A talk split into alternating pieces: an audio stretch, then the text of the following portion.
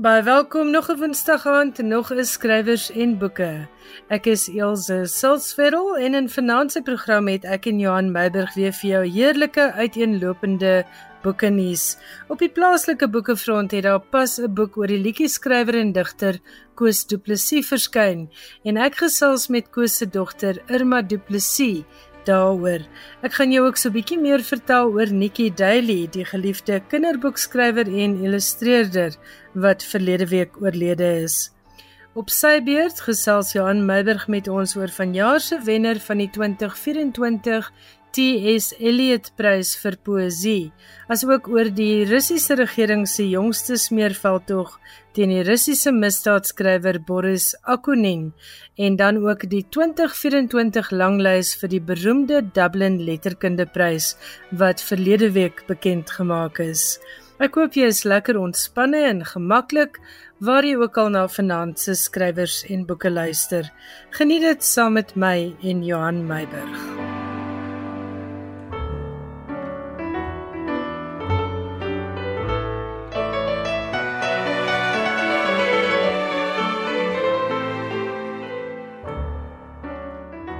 Koos Du Plessis wat al meermale as Afrikaanse musiek se Leonard Cohen bestempel is, sterf in 1984 tragies in 'n motorongeluk. Dit bring sy kortstondige maar onuitwisbare musiekloopbaan en liedjie-skrywerskap met eens tot 'n einde.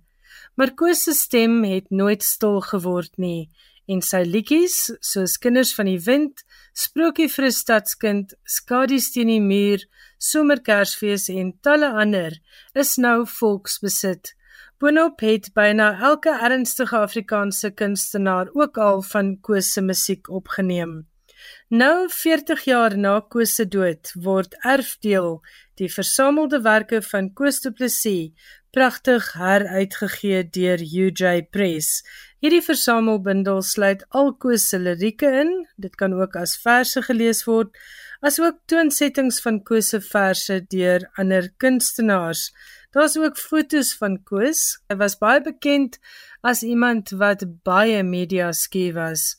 Daar's ook gedigte uit Koos se twee digbundels om jou verlaas te groet wat in 1985 uitgegee is en skink nog 'n uur in jou glas wat in 1995 uitgegee is. Albei hierdie digbundels is heropgeneem saam met 'n 15-tal destyds ongepubliseerde gedigte. Ek verwelkom nou graag Koos Du Plessis se dogter Irma Du Plessis en sy was verantwoordelik vir die versorging van hierdie heruitgawe van Erfdeel. Irma, goeienaand, baie welkom by Skrywers en Boeke. Hallo Ilse, dit is baie baie lekker om hier te wees.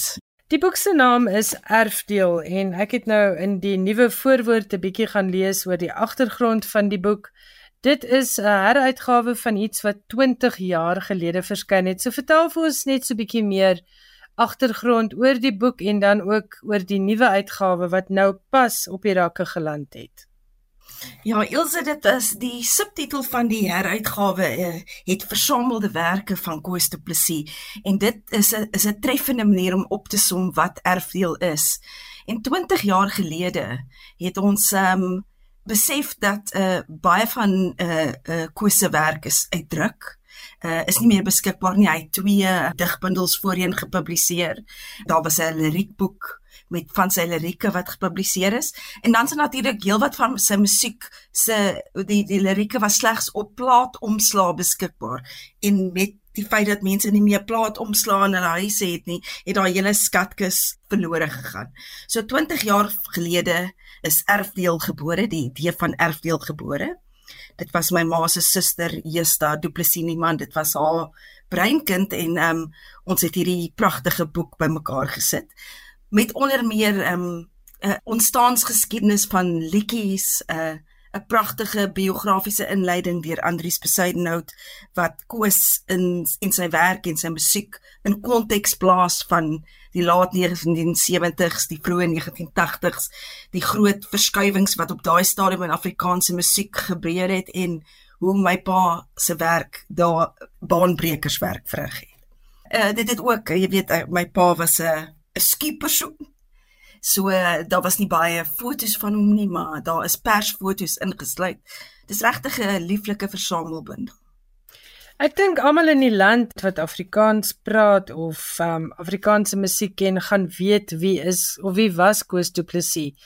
Maar vertel vir ons bietjie as Koos Du Plessis se dogter, 'n um, bietjie meer oor hierdie man wat sulke ongelooflike lirieke kon skryf en so reuse bydra tot Afrikaans gemaak het. Koos was 'n um, uh, uiters unieke persoon. Um meer as een persoon het hom al beskryf as iemand wat nie gebore is vir sy tyd nie. Hy was sowel sy tyd vooruit as iemand wat miskien gemakliker in 'n vorige era sou geleef het.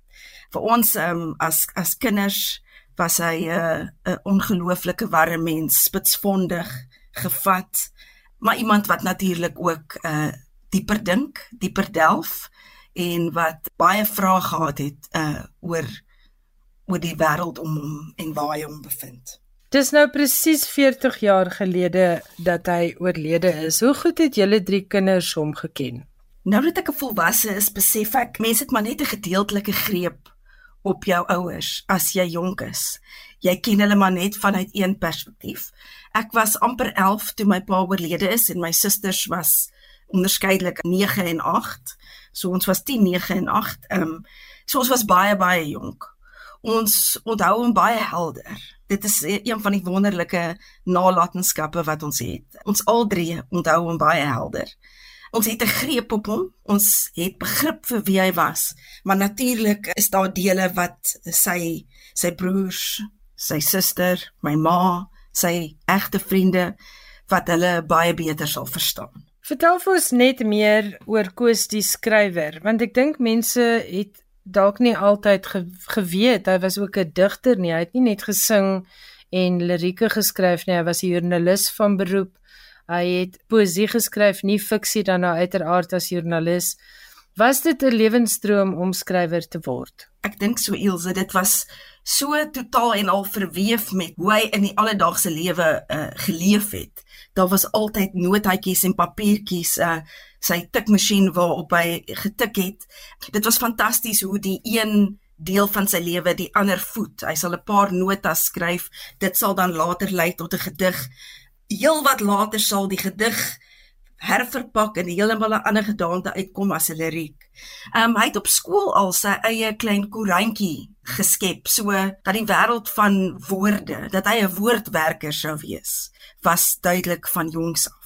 Dat hy 'n woordwerker sou wees in soveel genres uh, is is is 'n verrassing. Hy was natuurlik 'n 'n subredakteur. So taal was vir hom verskriklik belangrik. Ehm um, taalbeheer. Hy het baie baie diep liefde vir taal en vir Afrikaans. Het hy in so huis groot geword? Was die res van die familie, sy broers, het nou hy het nou-nou van hulle gepraat en sy suster, was hulle ook kunsinnige mense? Was daar 'n pa of 'n ma wat met woorde gewerk het? Waar dink jy dit vandaan gekom? Ja, my pa se suster en broers is almal um, baie slim mense, baie gevat kan almal met woorde speel. En uh, ek dink dit het regtig van my pa se ma Hester Buitendag, haar oorspronklike van was Buitendag en sy het dan Hester Du Plessis geword. Dit is sy wat die liefde vir woorde gekweek het. Sy self het nie die geleentheid gehad om 'n opvoeding te kry nie. Dit is al ontneem in haar era as 'n as 'n jong meisie. Maar haar liefde vir woorde en haar beheer van Afrikaans was on ongelooflik. En sy self het uh, gediggies geskryf, dagstukkies geskryf. Sy was 'n gereelde skrywer vir tydskrifte en ehm um, koerante. Sou sy briewe skryf. En sy het hierdie liefde vir taal en vir letterkunde by die familie gekweek, by die gesin gekweek. In Herfdeel is daar 'n beskrywing van die musiek en liriek beweging en daar word ook gesê dat Koos Du Plessis se naam amper sinoniem is met die musiek en liriek beweging, maar dat dit sy eie ontwikkeling as musikant en liriekskrywer ook eintlik onafhanklik hiervan gebeur het. Vertel vir ons hoe jy op begin sing. Dit is waarheid. Ehm um, baie van die liedjies wat mense nou ken en wat deel was van die musiek en liriek beweging, het hy etlike jare voor die beweging tot stand gekom het geskryf. Um hy het in sy studentejare het hy uh, hy en sy groep vriende het uh, 'n sanggroep gehad wat by uh, vroue koshuise gaan sing het en wat 'n verskeidenheid van liedjies gesing het. En dit het hulle opgeval dat daar werklik min gehalte Afrikaanse liedjies beskikbaar is vir hulle om om mee op te tree. So hy het in daardie tyd reeds begin liedjies skryf en 'n groot deel van sy liedjieskat is as 'n ware baie baie jonk na hom toe gekom. Jy weet hy is hy's dood toe hy 38 of 39 was, wat bitter jonk is, maar wat vir my selfs meer verstommend is, is hoeveel van die liedjies kom baie baie vroeër uit sy 20s, uit sy vroeë 30s sou jy hom beskryf as 'n ou siel want alles wat ek van Koos Du Plessis ken en ek het nou ook weer gekyk na die gedigte en dinge wat jy in erfdeel ingesluit het is nogal 'n diep ernstige mens. Jy sê dit presies soos dit is. Hy was 'n baie baie diep persoon. Iemand wat baie selfrefleksief was. Iemand wat um, nie net na die oppervlak gekyk het nie. Wat miskien te veel goed gesien het. Dit het dit nie maklik gemaak om in die wêreld te leef en te funksioneer nie. Ja, en ek wat ek ook wel sien en ek onthou ek het met jou suster Carla seker omtrent 20 jaar gelede 'n onderhoud gevoer nog vertaalgenoot. Uh die invalshoek was bekende paas en hulle kinders. Maar wat ek opgetel het in 'n foto wat sy destyds ook vertaalgenoot beskikbaar gestel het, is hierdie ongelooflike trotse pa op die op die foto wat ook in erfdeel is. Hy het duidelik net oor vir sy drie dogtertjies gehad. So aan die een kant baie media skie aan die ander kant warm en hartlik en dan is daar hierdie ander kant waarvan jy nou gepraat het wat ernstig en en soos jy gesê het refleksief was wat wat swaar gekry het dalk met alles wat in sy kop aangaan as hy na die wêreld om hom kyk. Inderdaad. Jy het vir ons musiek gekies vir vanaand. Ehm um, waarna gaan ons eers luister? Ek wonder of ons eers dalk kan luister na Nocturne. Dit is 'n uh, liedjie wat op sy derde album Herbergier ingesluit is. En uh, ek kies dit as 'n persoonlike gunsteling omdat toe ek 'n jong dogtertjie was, ek regtig die ontwikkeling van hierdie hele liedjie van die begin tot die einde waargeneem het en geluister het daar as ek in my kamer lê hoe hy die liedjie klaar skryf. Hy het so klein wit piepklein synthesizertjie gekry. Ek, dink dit was 'n Casio en dit was 'n fantastiese speelding. So sy ander liedjies het hy op gitaar gekomponeer, maar hierdie was 'n was 'n ander manier van komponeer en ek dink dit jy kan dit in die in die in die in die melodielyn ook hoor.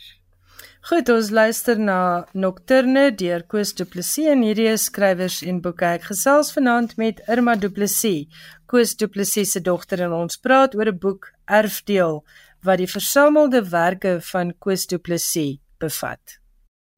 Jy het geluister na Nocturne deur Koos Du Plessis. Sy dogter Irma Du Plessis is vanaand my gas in skrywers en boeke en ons praat oor 'n boek wat uitgereik is of heruitgereik is ter herdenking van sy dood 40 jaar gelede. Irma terug by erfdeel. Dit is vir my lekker om bietjie oor hom te lees as mens uit die oogpunt van ander mense wat hom onthou Ons weet nou hy was media ski, maar dis ook vir my lekker dat jy in dieselfde bundel ook dan nou gedigte het en lirieke en dan gitaardrukke. Ek dink dit is nogal 'n wonderlike ding om in te sluit vir mense wat werklik waar lief was vir sy musiek. Hoekom het jy besluit om dit so te doen?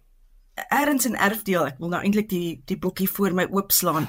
Is daar 'n kort gedig van van Koos waarin hy sê as als gedaan is en verby, eh, dan wil hy hê dat eh uh, die kluisenaar in hom tog in die boekrak sal bly. Ek ek dis nou my frasering van die gedig. En dit is eintlik presies dit. Ons wou die rykheid, die wyte, die omvang van dit wat hy bydra gedra het tot die Afrikaanse woord en musiekskat saamvang en as mense met ons praat oor al hierdie jare is Dis ongelooflik hoeveel mense persoonlik aanklank vind by Koos se musiek. En baie keer is die manier wat hulle uiting daarin gee is mense wat self gitaar speel in hulle kamers gitaar tokkel, nie net uitvoerende kunstenaars nie. Uh mense wat een of twee liedjies vind wat totaal en al tot hulle spreek. So dit was vir ons baie baie belangrik om die gitaardrukke daar te hê.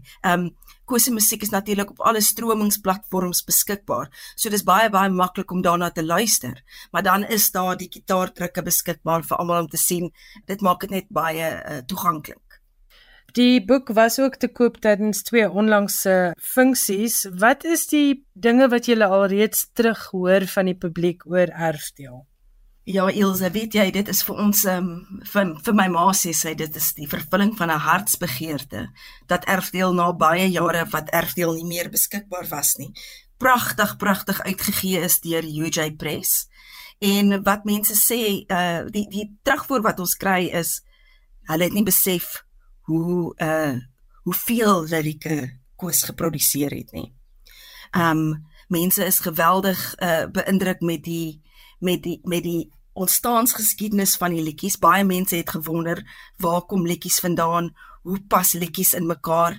En uh dit is vir hulle fantasties om insaag te kry in daai skryfproses en hoe dit gewerk het. En natuurlik die pragtige inleiding wat Koos se musiek en sy loopbaan in konteks plaas, asook die fotos. Ek wil hê jy moet vir ons bietjie meer vertel van die van die gedigte. Daar is twee bundels wat albei postuum verskyn het. Hoekom het jou pa nooit gepubliseer in sy eie lewenstyd nie? Ilse, ek ek weet nie. Ek is nie bewus daarvan dat hy ooit eh, 'n uh, manuskrip ingehandig het vir beoordeling vir publikasie nie. Ek is nie bewus dat hy ooit doelbewus sy gedigte sistematies na gekyk het, gesorteer het, besluit het wat hoort waar. Dit dit het nie gebeur nie. Ek dink hy het tot 'n mate gedink hy is nie 'n digter nie hy dig, maar hy's nie 'n digter. So daai gedigte van hom het maar in laaie agtergebly. Mense het dit oral oor die huis gekry. Hy het 'n um, 'n honeurs in Afrikaans gedoen by Wits. En ek dink soos ek sê die letterkunde is op 'n manier sy eerste liefde. Maar sy unieke bydrae is in daai baie baie eenvoudige ongelooflike treffende lirieke met die pragtige melodieë. So ek dink hy het eintlik 'n 'n ander nis gevind as wat hy miskien oorspronklik wou. En miskien was hy ook net te nederig om te dink dat sy verse publiseerbaar is. Hy was hy was geweldig geweldig um ja, nederig is ek ek wil die woord klink nie vir my reg nie, maar hy was 'n werklik beskeie mens. Hy was 'n werklik beskeie mens. Irma, ons praat oor erfdeel en ek is natuurlik nuuskierig oor jou pa se media ski benadering. Hoekom dink jy was dit? Dink jy dit is omdat hy gevoel het hy weet hoe dit voel om aan die ander kant van 'n onderhoud te sit? Sonder twyfel. Hy hy het sy tyd in nuuskantore gespandeer in in Johannesburg en Pretoria. Uh hy het verstaan hoe nuus werk en hy het gesien hoe iemand eendag op die voorblad kan wees en uh, uh op 'n podium geplaas word as dit ware en dan net kan weer afgetrek word met een of ander sensasionele beriggewing later. So uh, hy was geweldig versigtig vir publisiteit. Hy hy was ook net skie. Ehm um, hy was baie gemaklik met vriende en so. So hy het hierdie twee kante van sy persoonlikheid gehad. Maar ek dink media publisiteit, miskien weet jy dit nie, maar dit was nie net die media nie. Hy het ook geweldig gesukkel om voor groot gehore of skares op te tree. Uh hy hy hy het intimiteit verkies. Uh onder groot skare en groot gehore mm, waar waar alles nie baie stil was, het hy dit amper onmoontlik gevind om te speel. En hy ek dink meer as een keer 'n verhoog verlaat wat hy net nie kon in daai omstandighede speel nie. Al het hy besef dis uh, dis dis 'n fantastiese geleentheid van hom en dis 'n groot eer vir hom om gevra te word by by sulke konserte. Het een van julle drie dogters hierdie liefde vir die woord en vir Afrikaans geërf? Het een van julle 'n loopbaan uh wat wat aansluit by wat julle pa gedoen het? Uh, my suster Karla skryf liedjies en is 'n bekende sanger. Sy het 'n uh, eh, voor sy kinders gehad het, was dit haar voltydse loopbaan. En sy uh, is baie vernuftig met taal. Uh, sy skryf fantastiese eie liedjies van haar eie. Maar die die vaardigheid met woorde is nie net uh, Karla se nie. My suster Karin is ook verrassend, verrassend goed met taal. Karine is 'n is 'n besigheidsanalis by een van ons vername banke. maar ehm um, haar manier om na die wêreld te kyk is uh totaal uniek. En jouself is 'n akademikus. Ek was 'n akademikus. Um, ek was vir 'n klompie jare verbonde aan Universiteit van die Witwatersrand en toe by die Universiteit van Pretoria ook as 'n as 'n akademikus. Maar ehm um, na die Fees Must Fall protes het ek anders begin dink oor hoër onderwys en wat regtig die uitdagings vir hoër onderwys is. En toe ek die geleentheid kry om by die Universiteit van Fort Hare as direkteur in die kantoor van die rektor saam met eh uh, uh, Sakela Bushungu te werk, het ek dit aangegryp want dit is 'n projek naby aan my hart om hierdie wonderlike historiese instelling herop te bou. En mag ons vir luisteraars sê dat jy ook met 'n musikant getroud is? Julle mag natuurlik. Ja. Dink jy die feit dat jy Koos Du Plessis se dogter was, het iets te doen daarmee dat jy met Andries Besuidnout wat baie gewild is by skrywers en boeke luisteraars, dat jy by hom aanklank gevind het? Uh, sonder twyfel, Ilse, sonder twyfel. Hierdie boek Erfdeel word volgende week, die 31ste Januarie hier in Pretoria bekend gestel. Wil jy luisteraars net 'n bietjie meer van die bekendstelling vertel? Ja, Hilse, dit gaan eintlik 'n uiters unieke geleentheid wees. Die bekendstelling vind plaas by Exclusive Books in the Grove Mall in in Pretoria. En wat die boek bekendstelling gaan behels is dat die fantastiese Gili Hofman het ingestem om 'n gesprek te voer met my ma, Morney Du Plessis. My ma uh, is nie dikwels in die kollig nie uh, sy uh, was my pa se eerste kritikus. Hy het altyd heel eerste daar toe gegaan vir terugvoer. So ehm um, en hy gaan bietjie vir haar vra oor die boek, oor die ontstaansgeskiedenis van die gedigte, oor wat sy van Koos onthou. En dis vir my nogal 'n baie unieke geleentheid, soos ek sê sy sy doen dit nie dikwels nie. Ek's baie bly sy het ingestem. En hoe laat is dit dan nou by Exclusive Books volgende Woensdag aand? Dit is 6uur vir 6:30. Het mense nodig om te bespreek of kan hulle maar net opdaag? Hulle kan hulle kan RSVP aan events@exclusivebooks.co.za, maar as hulle op die laaste minuut besluit om te kom, is hulle welkom. En dit is nou as jy meer wil hoor oor die stories agter Koos Du Plessis se liedjies en sy gedigte en dit is alles pragtig saamgevat in Erfdeel Koos Du Plessis versameldewerke wat uitgegee word deur UJ Press. My gas vanaand was Irma Du Plessis, een van Koos Du Plessis se drie dogters. Irma, baie dankie vir 'n lekker gesprek en baie dankie vir 'n mooi boek vir al sy aanhangers. Baie baie dankie Ilse, dit was uh, baie lekker om met jou te gesels.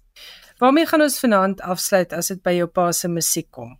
Ek het gedink ons kan dalk 'n um, liedjie Morney speel. Morney is my ma se naam Dis 'n ongewone naam vir 'n vrou. Uh, mens spel dit M O R N A Y, Morney. En ek speel dit nie net omdat dit die liedjie is wat my pa vir my ma geskryf het nie, maar omdat ek dink dis een van die mooiste liefdesliedere in Afrikaans. Dis 'n dis 'n werklik pragtige stuk werk. Baie welkom terug by Skrywers en Boeke. Jy luister na RSG en ek is Elsje Saltzwedel. Die baie bekende en baie gewilde kinderboekskrywer en ook kinderboekillustreerder Nikki Daly is op 15 Januarie oorlede. Hy was 77 jaar oud. Nikki Daly het meer as 40 boeke geïllustreer en was ook die skrywer van die meeste van die boeke. Hy is al vir die internasionale Hans Christian Andersen sowel as die Astrid Lindgren pryse benoem. Nikki het geglo dat ons as Suid-Afrikaners ten spyte van ras meer in gemeen het as wat ons dink en dit het hom voortdurend inspireer om sy talente gebruik om inklusiwiteit en kreatiwiteit te vier.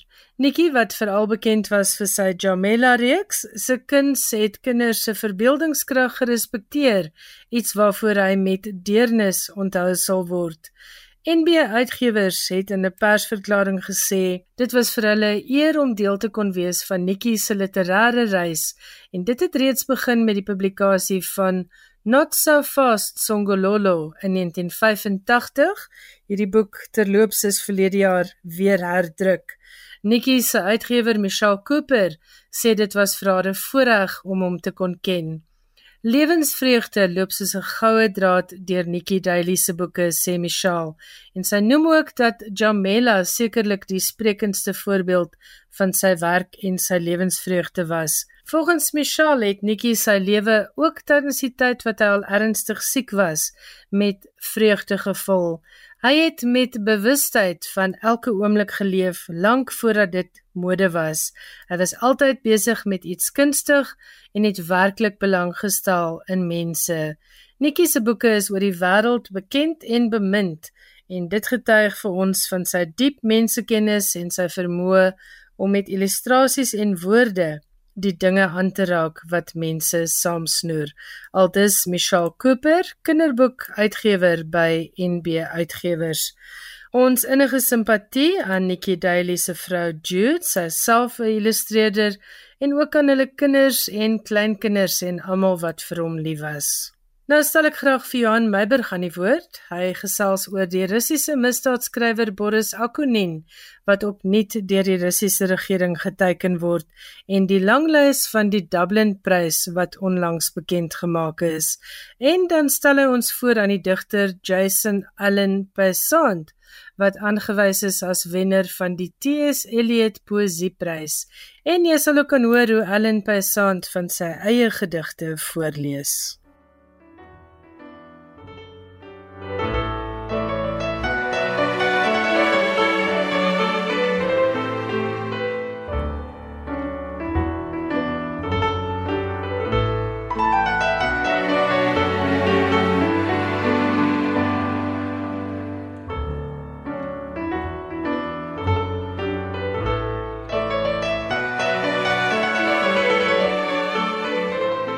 Boris Akunin, die gevierde Russiese skrywer en veral onbetwiste eksponent van Russiese misdaadfiksie, is einde verlede jaar deur Rusland as terroris en ekstremis verklaar oor sy kritiek op die land se inval in Oekraïne.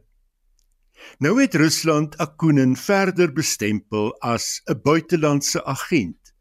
En bygevoeg Akunin het valse inligting versprei met die oog daarop om Rusland en sy leer in 'n negatiewe lig te stel.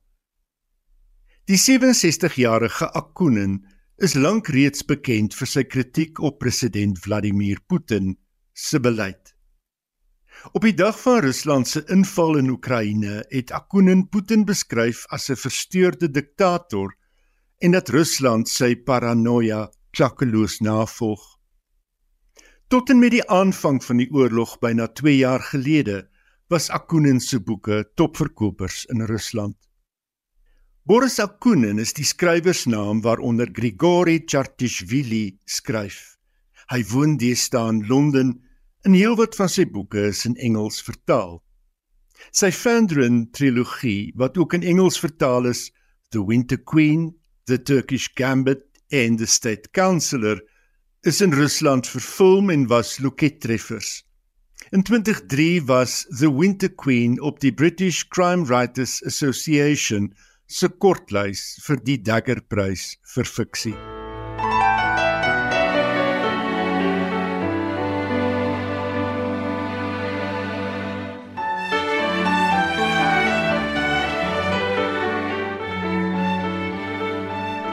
Die Dublin Letterkundeprys, een van die grootes in die internasionale letterkunde met prysgeld van net meer as 2 miljoen rand, het pas sy langlys vir sy 2024 prys bekend gemaak.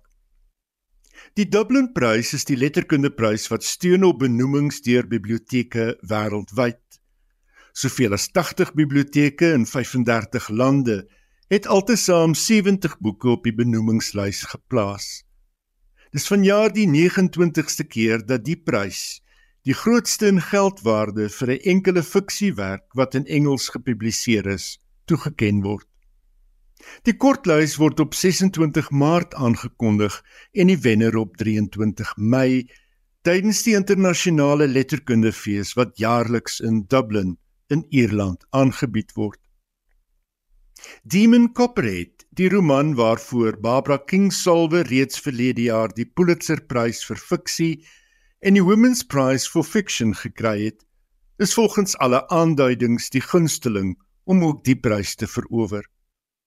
Ook op die langlys is Burnham Wood deur die Booker-pryswenner Eleanor Catton, Tomorrow Tomorrow and Tomorrow van Gabrielle Zevin, The World and All That It Holds van Alexander Heeman en This Other Eden van Paul Harding. Onder die 31 romans wat in vertaalde vorm meeding, is daar boeke wat oorspronklik in Deens, Nederlands, Duits, Hongaars, Noorweegs, Portugees, Romeins, Russies, Serwies, Spaans, Sweeds en Turks verskyn het.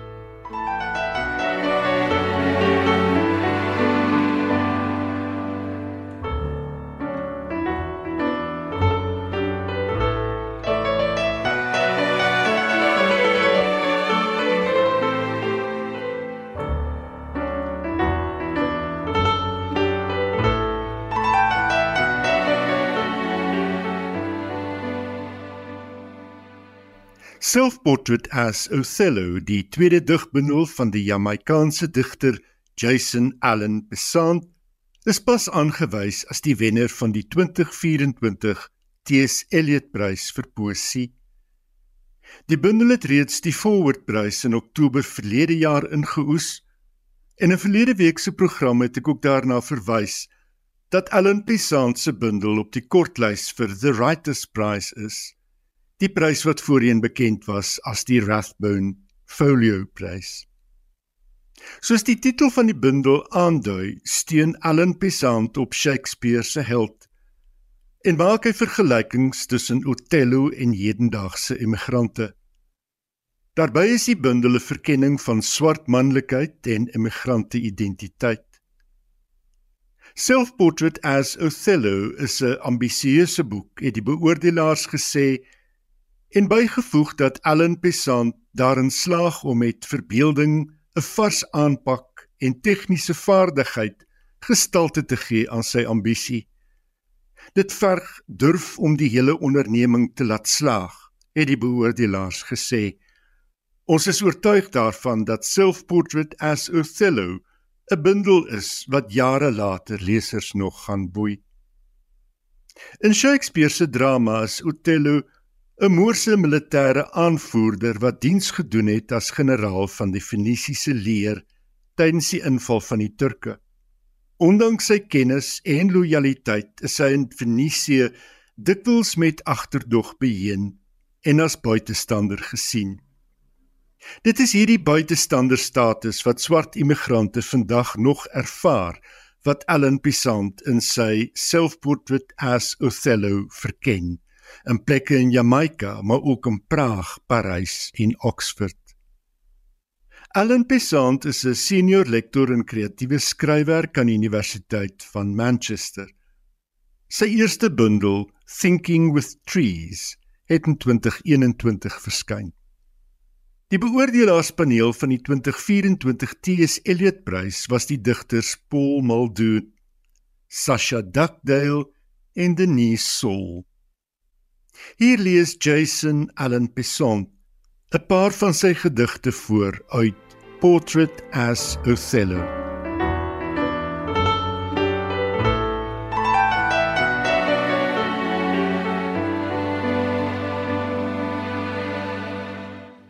I'd just like to read a few short poems, short-ish poems from the book, beginning with uh, a prose sequence, if you will. Um, uh, it has no title, um, but if, if we were to have a title, it would be What Shakespeare Did Not Write About.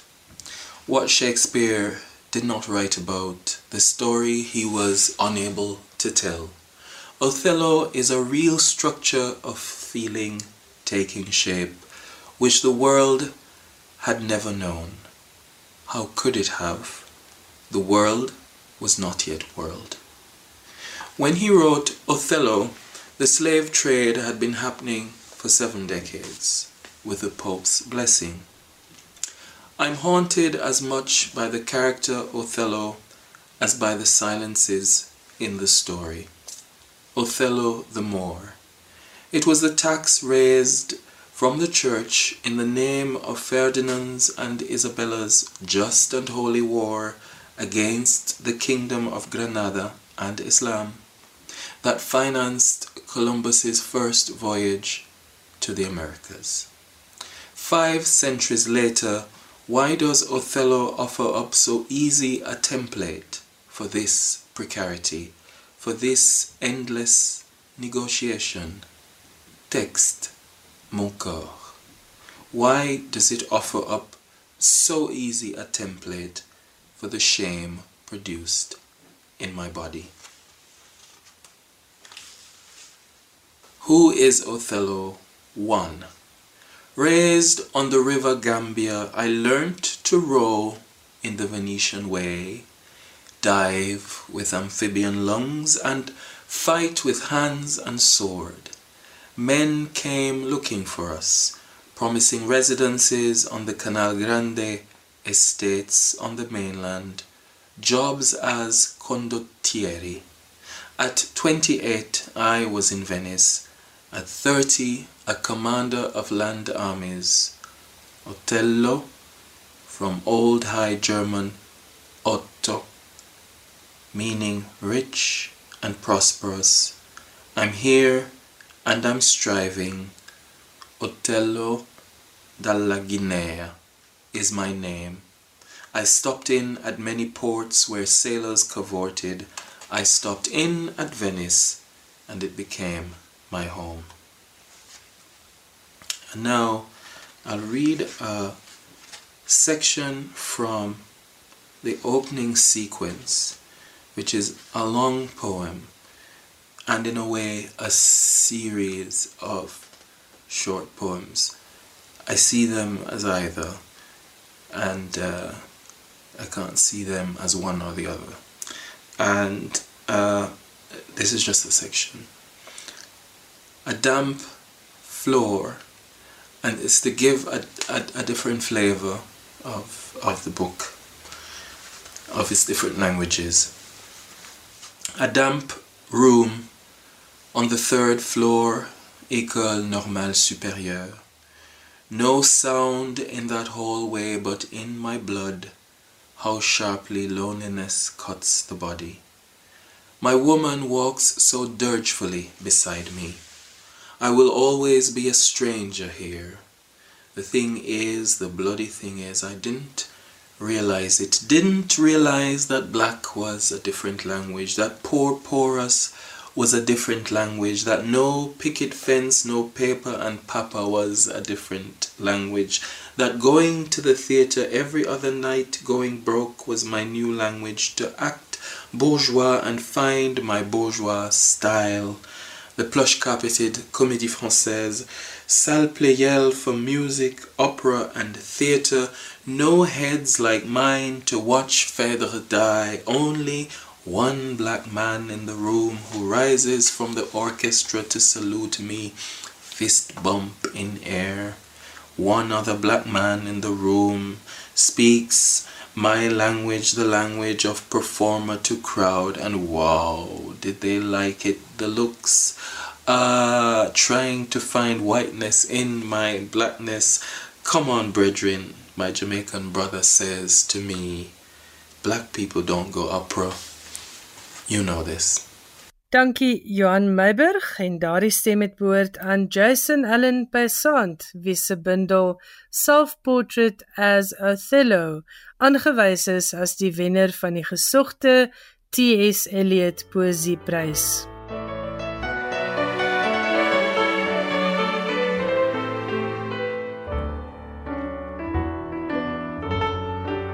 Daarmee groet ek nou eers, maar volgende Woensdag aand gesels ons weer. Dan gesels ek onder andere met Justin Fox oor 'n lieflike boek waarin hy die Suid-Afrikaanse landskap van bekende letterkundige werke verken. Tot dan, mooi loop en lekker lees. Totsiens. thank you